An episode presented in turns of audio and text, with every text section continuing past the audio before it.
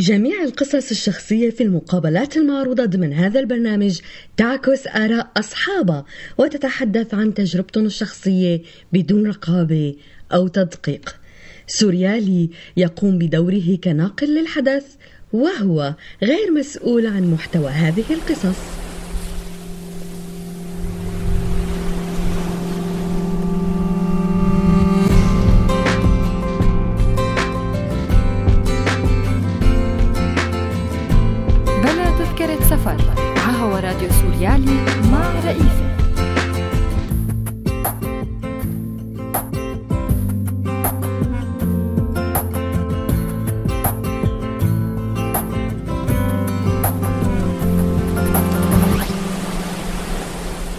بحلقة اليوم من بلا تذكرة سفر.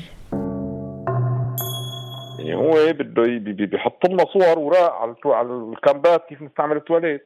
عاد نحن تواليتاتنا ببلادنا النشح متطورة عن تواليتاتهم يعني على الأقل بينظروا علينا بالفهم وبالمعرفة وبالإنسانية وبحقوق الإنسان وبي وبتكاثر الفقمه يعني ما تسكرت وجههم البواء ما عجزوا إنهم يشتغلوا. بلغه ببلد ما بيعرفوا شيء من لغتها مع الوقت تعلموا اللغة بالضرورة هذا طبيعي وبديهي.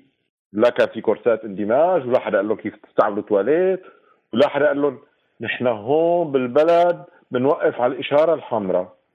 مو مثل عندكم يا كلاب يا عفوا يا مو كلاب كلاب. يعني بيحتاروا بقى لأنه الكلاب مدللة مو احتراما لنا. في جملة مذهلة محفورة بذاكرتي للماغوط بيقول فيها ليس هنالك قوة على وجه الأرض تجبرني أن أحب ما لا أحب أو أكره ما لا أكره ما دام هنالك طبغ وثقاب وشوارع مساء الخير رفقاتنا السورياليين يلي عم تسمعونا من كل بلاد الدنيا ومن سوريا أونلاين مباشر أو من على تطبيق سوريالي على الموبايل.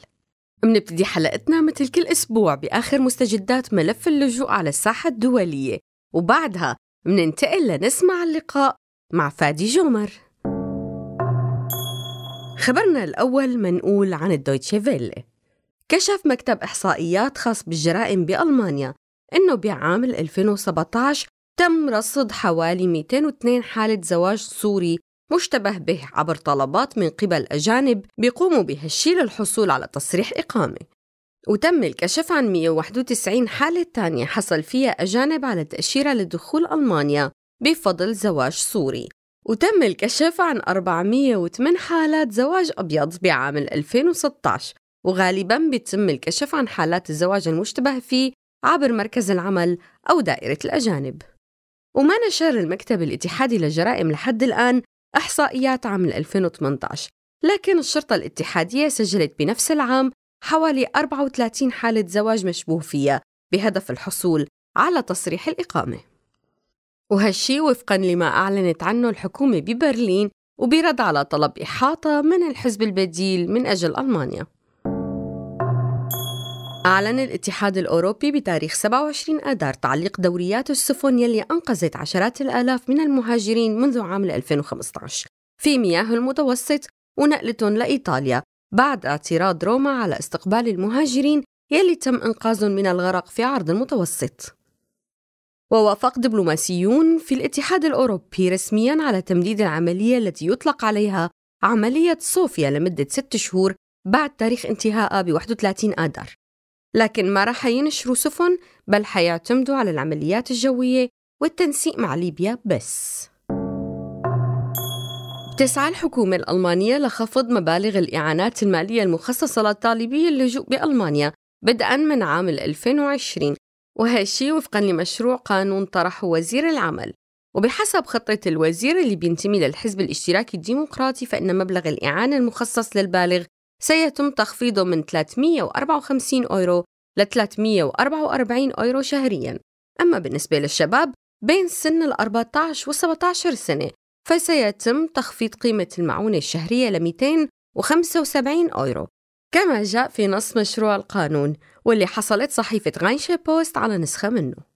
بالمقابل ووفقا لمسودة مشروع القانون فمن المفترض أن تتم زيادة المصروف اليومي المخصص للاحتياجات الشخصية لطالبي اللجوء ليبلغ 150 أورو بدلاً من 135 أورو شهرياً بالنسبة للبالغين غير المتزوجين و79 أورو بدلا من 76 أورو لليافعين. وتم تبرير تخفيض المبلغ الإجمالي المخصص لطالبي اللجوء بأنه هدول الأشخاص عم بيعيشوا بمساكن جماعية وما بيتحملوا دفع التكاليف الإضافية اللي بيتم تقديمها لتغطية مصاريف الكهرباء والماء. وبخصم قيمة هي التكاليف ممكن خفض مبالغ الإعانة الشهرية اللي بيحصل عليها طالبي اللجوء. مهاجر نيوز. عثر الحرس البحري قبالة سواحل اللوزة من محافظة صفاقس الجنوب الشرقي من تونس مساء يوم الجمعة الماضي على مركب تم استعماله للإبحار خلسة والوصول إلى السواحل الإيطالية. وكان على متن القارب عشر تونسيين بعض تم العثور على جثث وهنن شباب وفتيات من المهدية وسط شرق تونس وأولاد الشامخ وسيدي علوان. وبتتراوح أعمارهم بين العشرين والثلاثين سنة. وبآخر الأرقام اللي قدمها الحرس الوطني التونسي بلغ عدد الموقوفين من المهاجرين برا وبحرا في تونس حتى شهر نوفمبر تشرين الثاني من العام الماضي. 3489 مهاجر. بينما أورد المنتدى في تقرير صدر عام 2018 أن عدد الواصلين للسواحل الإيطالية خلال الأربع سنوات الأخيرة بلغ 6006 مهاجرين بينهم 1028 قاصر بدون مرافق 120 قاصر مصحوب بذوي و138 امرأة. فادي جومر شاعر سوري تميز بكتابة الشعر المحكي. ولأنه عاشق للمسرح قدر برؤيته المختلفة يخلينا نشوف اللجوء كمسرحية عبثية. بنص منشور بمجلة أبواب كتب فادي. وبعد جولة قصيرة في ألمانيا انتهت مدة الفيزا الحلم ودخلت عالم البرزخ. ذاك العالم المبني على الانتظار الذي تكون فيه لا مواطنا ولا لاجئا.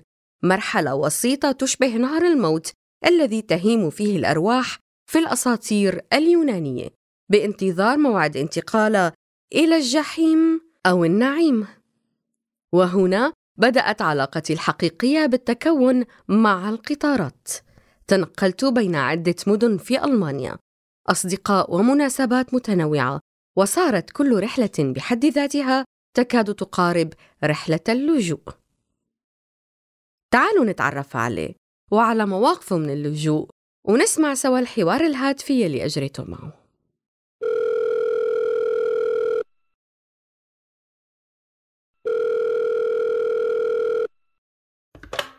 مساء الخير فادي مساء الخيرات يا هلا قد صار لك بألمانيا؟ يعني سنتين من شهور هيك شيء كيف وصلت لألمانيا؟ جيت بفيزا وعلى فرنسا ومنها لألمانيا فكانت يعني نسبيا ما شفت الرعب والمصايب اللي صارت على بقية الناس يعني. كنت محظوظ ولهيك يعني ما ما بقدر إني أحكي عن هذا عن هاي الفكرة تبع البحر والسفر وبقدر أتخيل بس ما بس أنا التجربة ما عشتها ابدا. هي هي قصة إذا بتقولي أنت مثلا لمواطن فرنسي أو أسترالي أو أو من فيتنام مثلا إنه نيالك أخذت فيزا أو كذا بتطلع فيكي إنه شو عم تحكي؟ أنت مجنونة شيء يعني شو شو يعني نيالك أخذت فيزا؟ هاي هاي الاحتفالات كثير شرق أوسطية. ما يعني عن جد بتحسيها مرتبطة يمكن بعشتار أو يعني بيجوز تضحكي. أنا اليوم خالص جواز سفري السوري ولو إنه بعده شغال كان كثير حلل لي أزمة بحياتي يعني مش مزح. أنت قدمت لجوء وقت اجيت؟ إيه اعطوك حماية ثانوية معناتها مو ثلاث سنين. أعطوني إيه طبعا. ماني معرض للخطر. ما يعني ما ما بعرف كنت لازم موت مرتين يمكن وبالثالثه بيجوا بيحكوا ما بعرف شو بعرف. عندهم معاييرهم الالمان بيفهموا أكثر من كل الناس ما فينا نناقش نحن.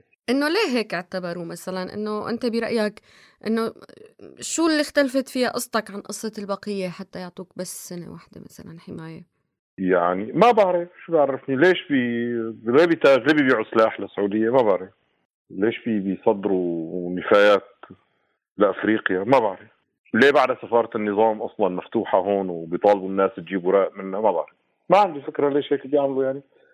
في شعوب بتنتخب حكومات بتحب تعمل هاي القصص. هن أحرار. بلدهم بالنهاية أنا مآمن تماما إنه بلدهم يعني. ما عندي أي تحفظ على سلوكهم. يعني ما فيني أعترض. هذا الشيء بيشبه.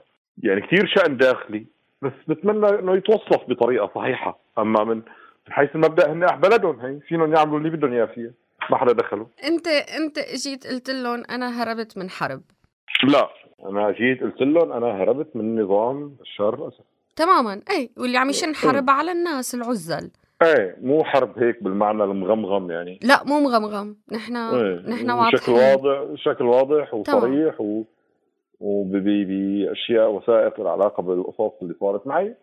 ما يعني ما, ما عندي رغبة الحقيقة إني أحاول أفهم ليش هيك عملوا لأنه المناخ العام كله بيفسر الأشياء أكثر ما ما نشخصن الحكاية. ما فهمت عليك شو قصدك بالمناخ العام؟ يعني أنت في بتشوفي السفارة مفتوحة بتفهمي ليه هيك بيعملوا مع الناس مثلا. مم. بتشوفي إنه أم تجيب ابنها من تحت القصف بيعطوها موعد بالسفارة ببيروت بعد سنة ونص مثلا. الولد بمخيم أمه بألمانيا. بيعطوها موعد بعد سنة ونص. يعني عندهم عندهم الصفاقه الكافية ليمارسوا هيك شغلة. أه بدي أقعد أسأل أنا ليش ما أخذت لجوء أو حماية؟ بصراحة يعني بشكل شخصي قضيتي اتفه بكثير من إنه ينحكى فيها. يعني في في قضايا تانية. طب هن بيجاوبوا فادي مثلا على موضوع السفارة والدور الطويل إنه في عدد هائل من الناس عم ينتظروا على الدور. العدد اللي تقدم. باللجوء والناس بدها تعمل لم شمل مو مم. سهل إنك أنت تزبط له مقابلاته بوقت كتير سريع يعني. وهي فعليا كان كان عدد هائل الناس اللي طلعت من سوريا باتجاه أوروبا وألمانيا بالذات. يعني بعتقد إنه بلد بيقدر ينظم كأس عالم ويستقبل 200 مليون مشجع خلال شهر. كثير مضحك وفاني يعني عرفتي شيء شيء بيشبه النكتة. إنه ينقال إنه والله تلبك ب ألف بني آدم. بالله عن جد. لك لا ما حلو بحقكم يا جماعة. سيبوا سيبكم يعني سيبكم من إنه سوري إنه من سوريين وناس عم بيموتوا وكذا مثل اجركم مش مختلفين. بس ما حلو بحقكم هيك هيك هيك تصريحات. يعني خيم اليرموك بال 2011 خيم اليرموك مكان مساحة جغرافية بعتقد ما بتتجاوز 2 كيلو متر مربع. سكانه أقل من مليون بطراف بحدود المليون بين فلسطينيين وسوريين. خيم اليرموك لوحده بال 2011 مو بس بدون مساعدة من الدولة تحت حرب من الدولة. كان الواحد إذا حامل خمس ربطات خبز يعملوا له مشكلة بالطريق. استقبل لوحده 250 ألف لاجئ. اجوا من حمص وريفة وقت اللي اشتدت القصف على حمص. لوحده مخيم اليرموك والدولة عم بتحارب الإغاثة. أه، بتقولوا لي إنه ألمانيا تلبكت ب ألف بني آدم. نكتة هذا الحكي هذا الحكي نكتة. الاحصائيات 500,000 الاحصائيات بتقول إنه نحن أكثر من هيك بكتير. قديش؟ يعني في. احصائيات في إحصائيات بتقول إنه بعام 2015 دخل قرابة ال 900 ألف أو 850 ألف لألمانيا. طبعا بس من جنسيات مختلفة. خلينا نقول جزء ال- الأغلب منهم كانوا سوريين. في شيء 800 ألف بني آدم؟ إيه. يا عيني يعني قد اللي راحوا على عين تاب. عن جد نحن عم نحكي نكت. نحن عم نحكي نكت. بغازي عين تاب لحالها في 800 ألف بني آدم سوري. غازي عين تاب مدينة عدد سكانها ما بيتجاوز المليون. قد امم قد دوما اجوا 800 ألف بني آدم سوري. قعدوا فيها استأجروا واشتغلوا وعاشوا. ما صار زحمة بالشارع. بالله ملبكين ب 300 ألف بني آدم أو 400 ألف بني آدم. مش هيك القصة بفهم تماما إنه إذا أنتم في عندكم 300 ألف بني آدم شايفينهم 300 ألف غنمة وقررتوا تعملوهم 300 ألف بني آدم بمعاييركم. okay هيدي عملية يعني بتاخذ وقت. الله يعطيكم العافية ويوفيكم تعبكم. برجع بقول لك في نقطة كثير مهمة وأنا بأكد عليها. إنه أنا ماني عتبان أنا ماني لايم أنا ما بعتقد إنه إلي أي حق أساسا إني طالب بشيء لا بهي البلد ولا بغيرها. بس نستسلم أنا ما بس أنا ما بقبل. لا لا لا مقتنع مقتنع إنه ما من حقي. أه بس أنا ما بقبل إنه تسمى الأشياء اللي بتخصني بغير بغير أسماء الحقيقية. ما بقبل يتهوبر علي. لا قول الأشياء بمسمياتها أنت مواطن ألماني ثنائي الفلقه بيضاء اللون بتشوفني كتلة من الخلايا اللي لها جهاز عصبي. لا يعنيك كثير إذا بندعس تحت دبابة أو آه، بغرق ببحر بهمك إني إذا جيت لهون ما أحكي معك إنجليزي لأنه يعني أعصابك بتتنرفز من اللغة الإنجليزية. بتفضل إني أحكي معك ألماني. بفهم إنه هي هي مشاكلك بالحياة. بس ما تبيعني إنسانيات. يرحم أهلك. أنا شايفك. شايفك بوضوح. انت طب هو شايف إنك انت شايفه بوضوح؟ طبعا لا هن بالنسبة لهم يعني ماعز شحنة ماعز كبيرة. بالمبدأ كل شيء انعمل بخصوص اللاجئين أساسا. مو مفروض على الأقل كان يكون في خلينا نقول يا أخي مجموعة من الاستشاريين. أخصائيين نفس آه، علماء اجتماع صحفيين ناس باحثين اجتماعيين إلى آخره. مجموعة ولو صغيرة من 25 30 بني آدم بيلتقوا بسهولة يعني بيتوظفوا بينجابوا إذا كانوا بالسويد بينجابوا على ألمانيا. لبلد بدها تتعامل مع البشر كبشر.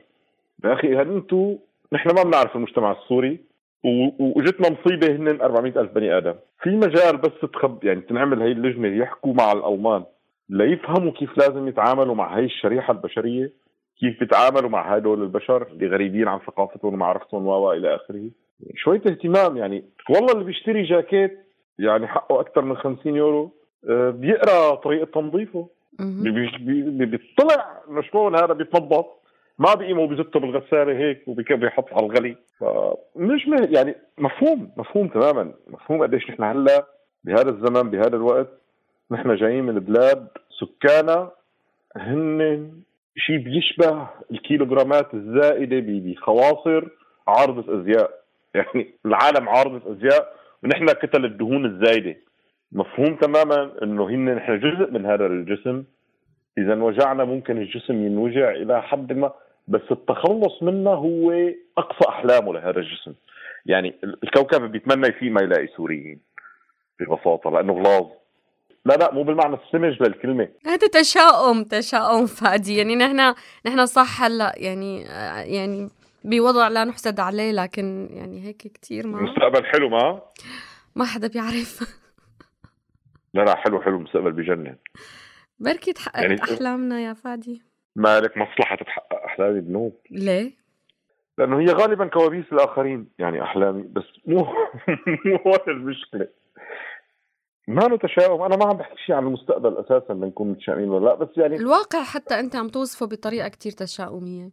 يعني ما بعرف إذا الواقع أصلا بينطبق على وصفه هذا المصطلح. الوصف الواقع بينطبق عليه كلمتين ما لهم ثالث صدق أو كذب. طب شو برأيك كان ممكن يتصرفوا؟ أنا ما بدي لحظة أنت عم ترجعي أنت عم ترجعي ترجعيني لنقطة أنا عم بهرب منها. ما بدي إياك تهرب منها بدنا بدنا آه، نشوف. لأنه لأنه ما بتعنيني. أنا عم أكد وأؤكد وأؤكد إني أنا ما طالب الأوروبيين بأي سلوك. هن يتصرفوا بالطريقة اللي تريحهم بما يخص بلادهم. فينا نحطوا قناصات حرارية على الحدود. ما عندي مش يعني يتصلوا سبقوا عملوها يعني سبقوا عملوها تاريخهم هيك. بيحط يحطوا قناصات حرارية يحطوا جنود كلاب ألغام عمروا جدار برلين ثاني يصطفلوا بلدهم ما دخلني كل ما يعنيني إنه ما يكون حدا آه، داعس على رقبتي وعم بيقول لي أنا نبع الحنان. بس. بحكم هذا التكوين الحالي للكوكب للمجتمع البشري هو من حقه يشيلني ويشوطني برات بلد ما عمل هيك ارتقى إنه يتصرف بشكل ثاني أنا عم بحكي عن المجتمع ومنظومته الحاكمة المنتخبة وقوانينه الموضوعة من قبل آه، من قبل برلمانات منتخبة بالضرورة. آه، هو كان عنده وجهة نظر مختلفة انه يتعامل معي بطريقة ما. وهذا يعني هو حر حر تماما فيه. يعني ما طيب بدنا معلش فادي خلينا ما بدنا خلينا نحكي ما بدنا نقولها ما بدنا نقولها يعني بس يعني من ذا يطالب سيدا في عبده؟ هن أحرار بس أنا من حقي وصف بس وصف اللي عم بيصير معي. يعني هو بده بيحط لنا صور وراء على على الكامبات كيف نستعمل التواليت. عاد نحن تواليتاتنا ببلادنا النشح متطورة عن تواليتاتهم يعني على الأقل. بينظروا علينا بالفهم وبالمعرفة وبالإنسانية وبحقوق الإنسان وب وبتكاثر الفقمه يعني. سبق والتقيتي مع حدا ألماني. آه ما عنده فكرة واضحة عن التطرف الإسلامي وداعش وخلافه؟ بيكرهون بيخاف منهم و... وبيطلعوا له بالليل بالغزانة. ما ماني عالم غيب بس أنا اللي بعرفه إنه أنا جاي من بلد الإنسان فيه محروم من المعرفة والمعلومة محاصره وبوقت معين وبمستوى معين المعرفة جريمة. وكنت بعرف عن كوبا عن فيتنام طبعا. وأكيد ما دخل اللغة ها؟ لأني أنا أكيد ما بحكي فيتنامي ولا بحكي كوبي ولا بحكي كوري. لحتى أعرف كيف الناس أو عن أوضاع الناس بكوريا الشمالية وبكوبا وب وبفيتنام وبالصين الشعبية دخيل الله شو شعبية. بعرفهم كلهم هدول. أنا وأنا جاي من بلد محاصر والمعلومة فيه يعني ما أنا سهلة يعني. أنا عم بحكي عن الحد الأدنى من المعرفة المقبول. م. أنا فادي جومر ما عندي انطباع على الإطلاق على الإطلاق عن أي بلد بالعالم إنه ما في سيارات. أنا ما خطر لي ولا مرة إني إذا التقيت بشاب صومالي اساله أنتم عندكم سيارات ولا لا؟ ما ما ما بيخطر لي هيك. ما, ما عندي هذا النوع من التعالي القذر على الإنسانية. النظرة الدونية النظرة الدونية مش بالضرورة مش بالضرورة النظرة الدونية إنه هي تحمل العنف أو الكراهية أو البغضاء. بركي عم بجله مثلا نظرة علوية. ما التقيت بهيك شيء أنا. واللي بيقبل إنه يتبجل بيكون شوي فريك بإنه هو كمان يرفع الناس فوق بعضهم درجات وأنا بالنسبة لي هذا الحكي مرفوض وبالنسبة لي بشكل شخصي. في غيري بيهتم بينبسط بيعنيه إنه يكون في رموز وأشياء ثابتة وقيم عليا وإلى آخره. أنا ما دخل بس ما بينضحك علي بأنه هذا التعاطف هو مخرج من النظرة الدونية بالعكس هو شيء بيوطدها وبيوثقها و... أنا ما بدي تعاطف أنا ما كان بدي تعاطف أنا كان بكفيني إنه يوصلوا ناس بدون ما يغرقوا بالبحر ويكون البلد بيسمح لهم يشتغلوا وأنا بعرف إنه كانوا بيشتغلوا. في نماذج موجودة بتثبت إنهم بيشتغلوا. إذا انطلقنا من حقيقتين. الأولى إنه تركيا بلد مش أكبر ولا أقوى ولا أقدر تنظيميا واستيعابيا من ألمانيا. يعني هي ما هي ما أنا متفوقة على ألمانيا. إجا عدد أكبر كثير من السوريين على تركيا من اللي إجوا على ألمانيا وتمركزوا بمدن عددها أقل. يعني كانت كثافة تواجدهم بمدن معينة أعلى بكثير. بعين تاب لحالها كان في 800 ألف هذا رقم مرعب لمدينة عدد سكانها 800 ألف. يعني هذا الشيء بيشبه إنه يجي على برلين 4 ملايين سوري. يمكن بتركيا كلها بمعنى ال... معنى سوق العمل طبعا. ما ما ما, عم بحكي على موظفين استقبال بأوتيلات خمس نجوم والى اخره بسوق العمل بتركيا كلها يمكن. بتلاقوا 300 بني آدم بيحكوا إنجليزي تلطيش. بألمانيا فيك كثير منيح تحكي إنجليزي. بتركيا السوريين ما حدا اجى قال لهم تعالوا لنروضكم لتصيروا بشر. وسماها اندماج. تركيا جابوهم وفلتوهم قالوا دبروا حالكم. ما لكم مصاري ما لكم مساعدات دبروا حالكم. فيكم تشتغلوا. أنا اللي بعرفه إنه السوريين بتركيا بعيدا عن مأساة المخيمات. هذيك آه، تجربة سياسية قذرة ما لنا فيها. أنا عم بحكي عن الناس اللي نجوا من ورطة المخيمات وضمطوا على المدن. أنا ما بعرف إنه في ناس جاعوا بتركيا. يعني قدروا يشتغلوا. ما ما تسكرت بوجههم الابواب ما عجزوا إنهم يشتغلوا. بلغه ببلد ما بيعرفوا شيء من لغتها مع الوقت تعلموا اللغة بالضرورة. هذا طبيعي وبديهي. لا كان في كورسات اندماج ولا حدا قال لهم كيف تستعملوا تواليت ولا حدا قال لهم نحن هون بالبلد بنوقف على الإشارة الحمراء. مو مثل عندكم يا كلاب يا عفوا يا مو كلاب كلاب. يعني بيحتاروا بقى لأنه الكلاب مدللة مو احتراما لنا. مش مهتمين. الأتراك كانوا إنه يدمجونا بس اشتغلنا. بس كمان هونيك ما عم تنحمى حقوق السوري اللي عم يشتغل يعني رب العمل كتير عم بيظلمهم بالأجر عم يظلمهم بالوقت عم يعني ما ما كانوا مرتاحين ما في تأمين صحي ما, ما في شيء يعني. شروط العمل وسوق العمل بتركيا مو مثل ألمانيا كلامك صحيح. ما خصوا بالسوريين. سوق العمل بتركيا متخلف. أنا يعني و... وما نظام عمل مريح وهذا مفهوم يعني. واللي عاش بتركيا بيعرف إنه المواطن التركي بالنسبة له شغل 12 ساعة باليوم هو الحد المقبول بالحياة. يا مريخي أهلا بك في عالمنا. أنصحك أن تغادر هذا العالم. العالم كله زبالة.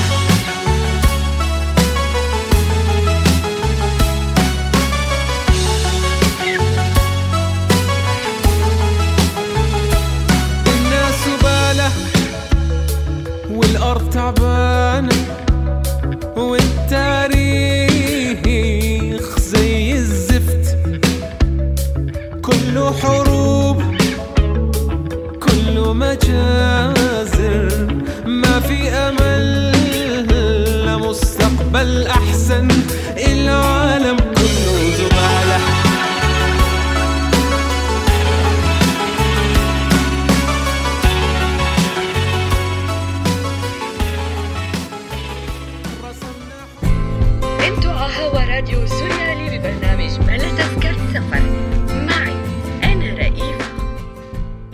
لكم أصدقائنا لنتابع حلقتنا مع ضيفنا الشاعر والكاتب فادي جمر.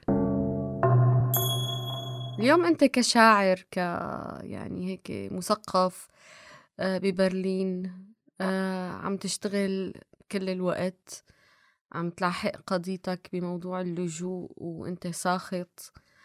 آه كأديب شو عم تقدر تعمل لنفسك؟ يعني ما تسلط الضوء عليك تواصلت مع حدا. شو قدرت تعمل بال... بالوقت اللي انت قضيته هون؟ منجز ادبي بعتقد كان في مشروع مهم بالنسبة لي طبعا يعني شو أهميته وأهميته الأدبية الناس بتقررها مش وأخذ صدى مقبول نسبيا اللي هو كان آه، أوبرا كليله ودمنه اللي انعمل بفرنسا. مع من ملحن كان منعم عدوان والعمل انشغل ب ما كان في حدا سوري غيري. في مشروع ثاني أنا صرت خالص من كتابته ومنعم عم يشتغل على تلحينه هلأ.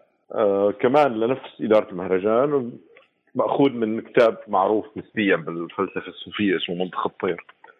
هدول المشروعين هن المنجز بعتقد يعني مقبول بظرف هالثلاث سنين أعمال مسرحية غنائية. بتصور الديوان مش مطول. وفي ببالي كذا قصة بدي كم يعني موضوع المسرح الغنائي هو هاجسي الاساسي أما باقي القصص اللي هي العلاقه بقراءه هون أو تو بالحقيقة عم بيتكرس بذهني إنه هو بيشبه كثير آه، إنه ليك وفي لاجئ بيكتب شعر عرفتي؟ شيء بيشبه إنك تلاقي قرد عم ممكن يعني فيني أفهمها فيني أتعامل معه فيني مارسها حتى يعني بس مشان نكون واضح. بعملها بمارسها وبفرنكل فرجع على الصعدان أوكي فرجوا شو بدي أعمل لكم؟ أنتم حابين أه تعملوا هذا النوع من العلاقة بيناتنا؟ وأنا ما عندي مشكلة. أنا جاي من سوريا أنا ما عندي مشكلة بشيء هاي النقطة كثير مهمة وكثير حساسة وكثير وكثير يعني خليني أقول لك كثير جوهرية بفهم العقلية اللي أنا بتصرف فيها. أنا جاي من سوريا وأنا طالع من تجربة الأسد يعني. يا أصدقائي الأوروبيين العظيمين الحناين. يعني لسه ما مسكتوا هذا البوري الأخضر ونزلتوا فيه على ظهري. لأني سمين مثلا. مثل ما عمل غيركم. هيك شافني فحسني سمين فتضايق اني سمين فقرر إنه ضل يخبطني على ظهري بهذا البوري لحتى أنا شالوني محمد عز وجل ولسه ما عملتوا هيك أنتم فأنا مبسوط. أعملوا اللي بدكم. يعني أي شيء ثاني تعنيف لفظي آه، إهانة. شو بيقولوا الالمان؟ إيجال؟ إيجال. عسيرة إيجال ترجموا لك شيء من كتاباتك؟ من أعمالك؟ يعني شبكي. لاجئ بيكتب شعر شو قليلة؟ والله في مشروع لطيف كان اسمه فايتر شايدن أخذ مجموعة نصوص وترجمها. يمكن خمس نصوص أو ستة هيك شيء. مستمر بعده عم يترجم لشعراء آخرين. بالنسبة لي بضل إنه من المؤسف إنه يبدو المعيار الأساسي هو هو إنه الكاتب مين ومن أي خلفية جاي مو النص. وهذا أكثر شيء بيخليني كان محسسني بكرامتي بشغل فرنسا. شغل فرنسا ما كان له علاقة بكل الحبكة هاي. مهرجان مستمر. بده يعمل عمل غنائي شرقي. كانوا عم يدوروا على كاتب. واختاروني وأنا بتركيا. ما له علاقة بكل ال... بكل هذا السيرك تبع فرانك فرجع الصعدة فادي شو شو بتفكر بهيك لحظة؟ إذا قالوا لك أنت حتضل بهذا الوضع بهذه البلد بين هدول العالم اللي أنت عم تشوفهم بهي الطريقة فترة كتير طويلة. في جملة مذهلة محفورة بذاكرتي للماغوط بيقول فيها ليس هنالك قوة على وجه الأرض تجبرني أن أحب ما لا أحب أو أكره ما لا أكره. ما دام هنالك طبغ وثقاب وشوارع. ما دام هنالك جوع وطعام وطناجر. طالما أنا أدران في الصبح وأنزل على محل فأنا أدران طلع لقمتي ففيني أكتب شو ما بدي. فالحياة مستمرة. يعني لحد هلأ ما انلقطت من إيدي اللي بتوجعني. معظم معظم التنازلات اللي بتصير بهذا الوسط اللي له علاقة بال بالكتابة سواء الصحفية أو الابداعيه غالبا تبرر إذا انتبهت للمناخ العام بكل شيء عم بصير من جديد يعني. إنه الناس تعبت بدها تشتغل بدها تعيش إلى آخره فبيضطروا يقدموا تنازلات ويشتغلوا بأماكن غير لائقة وإلى آخره إلى أماكن غير لائقة اعلاميا. الشغل نفسه ما فيه أماكن غير لائقة. يعني بقصد تنازلات وشغل بأماكن غير لائقة صحفيا واعلاميا. هي هو دائما التبرير إنه اضطر وما ضل في شغل والناس تعبت وإلى آخره، أنا من حسن حظي في الحياة إنه عندي هاي المهنة اللي أنا مارستها واشتغلت فيها بعد ما طلعت من سوريا ما كنت أشتغل بسوريا ابدا. كانت مزاج. وأنقذتني أنقذتني ببيروت وأنقذتني بألمانيا. أنا بعتقد للأسف وأنا آسف للي حقوله هلأ بعتقد إنه في مناخ عام بدنا نشوفه. ما فينا ما نشوفه. وعيب علينا ما نشوفه. في هزيمة ساحقة للثورة. هزيمة كارثية. ثورة ما انتصر عليها النظام وبس.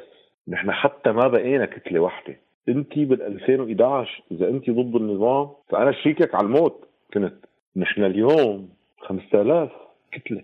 وكلياتها سرطانات.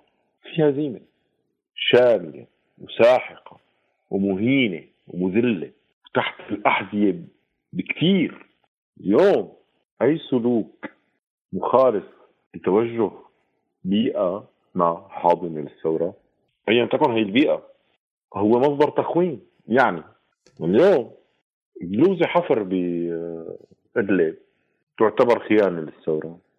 تعاطف مع قصف مسجد إذا طلع من باريس يعتبر خيانة للثورة. جماعة باريس بيأكلوه. مو كل اللي بباريس أكيد بس في في كتلة سرطانية ظريفة جدا بباريس هي هي لحالها حكاية هي لحالها حكاية. ونحن منتفين يعني مو مفرقين نحن منتفين وعم ننتف بعض. اللي بدي أقوله إنه في هزيمة ساحه حقيقية. وادراكها مهم مهم جدا والاعتراف فيها مهم جدا. وانكارها هو إساءة لكل قيام الثورة نفسه. نحن اليوم ما لنا أحرار نحن ما لنا حرية ما لنا نملك قرارنا ما بنعبر بحرية ما عشنا بكرامة إحنا ما عملنا ولا شيء اللي كان بدنا إياه من الثوره إذا مو هي الهزيمة ما بعرف شو تعريف الهزيمة. الاعتراف بالهزيمة له ميزة مهمة جدا جدا جدا. الاعتراف بالهزيمة بيقول مين هو العدو وبيأعلنه عدو أزلي ودائم. لما أنت بتقول أنا هزمت أنا هزمني جيش نابليون نابليون هو عدوي. ما بقى أتصالح معه بحياتي حتى أرجع أنتصر. عليه أنا طالما أنا مهزوم فأنا حاقد على عدوي. أنا بيهمني جدا هذا النوع. هاي الفكرة كثير بتهمني. في نوع من التلاعب على هاي الحقيقة وفي مين هلأ يمكن يسمع المقابلة وي ويبلش. يعني بتعرفي أنت القصص شاعر ما بعرف شو الثورجي بالبطيخ وصل على ألمانيا وأعلن هزيمة الثورة ما بحق له يحكي. كله مفهوم. وهو جزء من الهزيمة. هاي الممارسة نفسها هي جزء من الهزيمة. بهاللحظة انتبهي بهاللحظة إذا هي بهاللحظة ثورة مثل ما كانت بال 2011 سيل وجارف وقافش الدنيا ألف كلب مثلي ما بيغبر علي ما كنا يعني انت رجعت ذاكرتك بال 2011 و2012 كم حدا حكى؟ خلصت وفشلت ما كنا شايفين حدا. لك تصريحات ل لوزراء خارجية أمريكا ما كنا نسمعها مزبوط ولا لا؟ مم. مو شايفين حدا قدامنا اليوم إذا بيطلع مشحر طفران عايف حاله بيقول ما عاد قدرانين نحن نكمل بخونوا بيطلع هو سبب الهزيمة هذا الواقع البائس كله اللي عم بوصفه لا يمكن إنه تكون تداعياته تجارب هجرة ناجحة ونماذج خرافية. وتحقيق إنجازات ببلد اللجوء وإثبات وجود. لا لا تداعياته تكريس بهاي الهزيمة. ايا يكن الديكور اللي عم يلبسها. أنا بدي أشتغل مسرح. هاجسي المسرح وهم المسرح وحلم المسرح. لك أنا بوقف قدام المراية وبقول لحالي يا ابن الكلب إذا الثورة مستمرة أنت شو عم تعمل ببرلين؟ حنفترض جدلا إنه في ناس بعدهم بالداخل فاعلين على مستوى الفعل والسلوك اليوم إذا في حدا حقيقة جدير بالتعاطف لدرجة البكاء والبكاء المر هو الشخص المؤمن بالثورة والمؤمن بقيام الثورة والمؤمن بالتغيير والمؤمن بأحقية الناس والمؤمن بالعدالة وبالمظلومية اللي تعرضوا لها السوريين وعايش بسوريا. تحت ظل النظام تحديدا. هذا الشخص اللي كل يوم الصبح بيقول مرحبا لعدوه وبيبوس عدوه وبيضحك بوجه عدوه وبيرجع البيت بيتجرع قهره هذا قاع ما يمكن أن يعانيه الإنسان. عم بحكي عن البنت اللي أخوها معتقل ورفيقها بالشغل كل يوم بسب الثورة. عم بحكي عن الأب اللي ابنه ميت تحت التعذيب ومديره بالشغل أو مرؤوسه حتى بالشغل. كل يوم بيقول له انتصرنا على جثة ابنك. هدول عم بحكي عنهم ما كانت هيك الحالة. ما كان هذا الاستقطاب موجود. اذا إذا, إذا اليوم نحن عم عم نجلد نفسنا لأنك أنت عم تجلد نفسك فادي لأنك بأوروبا وأنك أنت اليوم الثورة انهزمت والناس اللي بالداخل هن إيه. المنتصرين. ما عم أقول إنه هن منتصرين أنا عم أقول أنا متعاطف معهم. أنا أنا أنا أنا بيحترق قلبي عليهم. الاعتراف بالهزيمة مو جلد ذات. الاعتراف بالهزيمة توصيف واقع نحن مهزومين. لأنه بأوروبا نحن مهزومين. لا يتسق لا يتسق رئيسي عقلا عقلا بحياه الله. إذا نحن منتصرين شو عم نعمل هون؟ طيب إذا انتصرت بتضلك هون؟ إذا اليوم قالوا لي بقدرة ما هزم النظام وتحولت سوريا للبنان 1978 غابت ميليشيات. وأنا تعمدت أقول لبنان 1978 لأنه ما كان فيه هذاك الوقت كتلة مسيطرة. اليوم كتلة النظام مسيطرة. بس ما لهم مسيطرين بس ما لهم هلأ مسيطرين. بس إذا رحل النظام رح يتقاتلوا رح بعض رح, رح يظهروا. لك هذا اللي عم بقوله أنا هذا اللي عم بقوله حرفيا إنه إذا رحل النظام حتظهر غابة الميليشيات هي. حيغيب حيغيب الصياد اللي هو النظام اللي هو مسيطر وتظهر غابة الميليشيات هي. إذا برجع ولا لا؟ بظن إني برجع بظن مش مثلك يعني كتير سهل إني أقول لك هلأ إنه إيه برجع وبعد يا يا. ألفت قفصك الجديد؟ بظن لو إني ألفت قفصي الجديد ما كنت حكيتيني انك تعملي معي لقاء حسب ما قدمتي لي أنت غايتك من اللقاء معقدة القصة. أنا بدي أكون حر. بحب اكون حر. بحب أنت ما تحتاج إنه تعتمد على أخلاقي لتعيش بكرامتها أو بحريتها أنا بتمنى إنه تكون عايشة بمجتمع قوانينه تحميها من حيوانتي إذا قررت اتحيوان بتمنى إنه هي آه لما تطلع مع ال boyfriend تبعها ويطلعوا ال weekend ويروحوا على غابه يعملوا camping. إذا أنا بلحظه ما قررت أرجع لبدائيتي وأتدخل إنه المجتمع يحط لي حد. بتمنى إنه هي اذا رغم رفضك لكثير من طريقة تعاطيهم معنا هلأ بما يعني بهي المرحلة خلينا نقول. لكن أنت في عندك احترام عميق لقوانينهم. اللي بتخصهم. طبعا طبعا. ما صارت بتخصنا كلاجئين؟ بهذا المعنى؟ إلى حد بعيد بلا بهذا المعنى اللي عم بحكي عنه أنا إيه, إيه. أنا ما بدي بنتي تراهن على أخلاقي. إذا بنتك انحظت بأنه أمها سيدة واعية وبتفهم وبتعطي الأشياء حقها. مو عدل إنه هي يكون عندها فرصة لبنتك تعيش حياتها بحريتها وبكرامتها وتستمتع بالحياة. وبنتي لأني أنا أب متخلف وجاهل تنحرم منها. مو عدل ما بدي هذا الرهان. اللي جاي من مجتمع مغلق ومحافظ ومسحوق وفقير و عم ياخذ التخلف حقن بدمه. اتركه. ينضف يتنفس. ويعيش فرجيه كيف القوانين عم تحفظ له كرامته كيف المجتمع عم يقبله. حيصير يقبل الآخر والتعددية. حيصير عند الولد أو البنت صراع لطيف جدا بين حقوق مثليين بالمدرسة ونصوص دينية منغلقة بالبيت. حيعيشوا هذا الصراع وحيفكر وياخذ قرار. حيكون لطيف جدا إنه في بنت آه، تقتنع بحرمانية الأشياء وحلالها وحرامها وتقرر تقيس حياتها على هالأساس وتمشي حياتها على هالأساس هي. لأنه هي كان عندها فرصة أنها تفكر. حتى الأغنام بتلعب بالمرعى. حتى الجدي بغازل الغنم أنا شايفه هذا الحكي. اتركهم. أعطيهم حق بس يكونوا غنم. مسموح. حيرجعوا يمشوا مثل ما الطبيعة بتمشيهم. طالما أنت عم بتقول لهم أنتم متخلفين؟ حيحافظوا على التخلف. بدي أتشكرك كثير فادي جومر على لقائنا اليوم وأكيد رح يكون لنا لقاءات بالمستقبل. أه بتمنى هيك شوي التشاؤم اللي عندك يتحسن. أه هن يلاقوا حل نحن نلاقي حل نلاقي نوصل لمنتصف مثل ما بيقولوا نمسك العصا من المنتصف. آه في مشهد. لا يموت الديب ولا يفنى الغنم. في مشهد إذا بدي أقفل لك كنت بالضيعه اللي أنا فيها أنزل على برلين. اللي هي كانت فترة من اسوء أيام حياتي. كنت بالحارة اللي محطوط فيها أنا. محطوط فيها. مش ساكن فيها. في آه، كان في عدد يعني لا بأس فيه من العائلات السورية. كان الأكسجين اللي يتنفسه.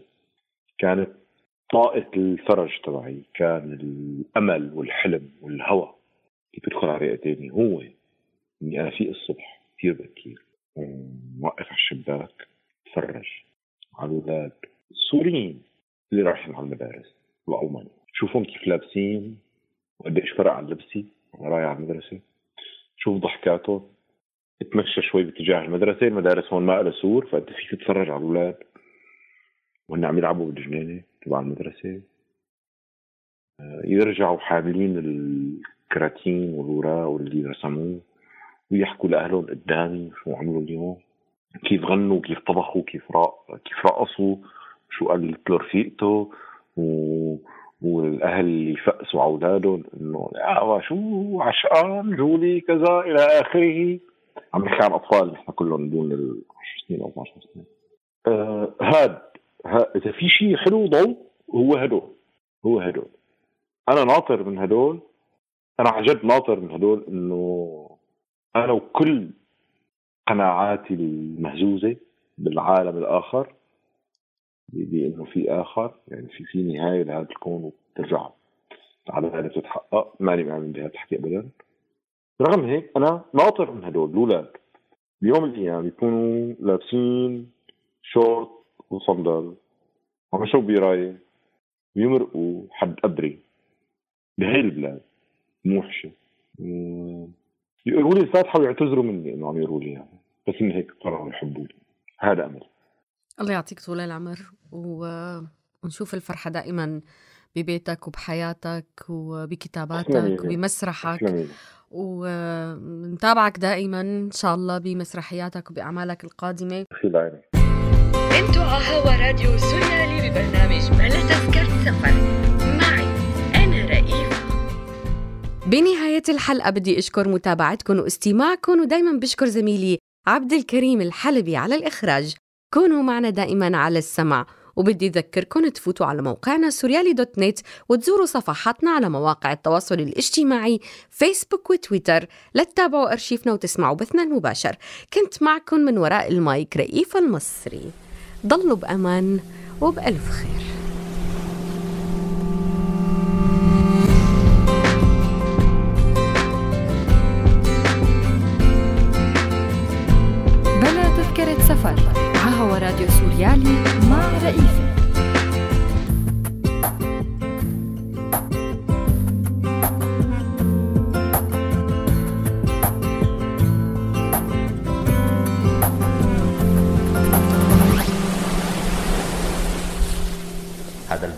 من إنتاج سوريالي 2018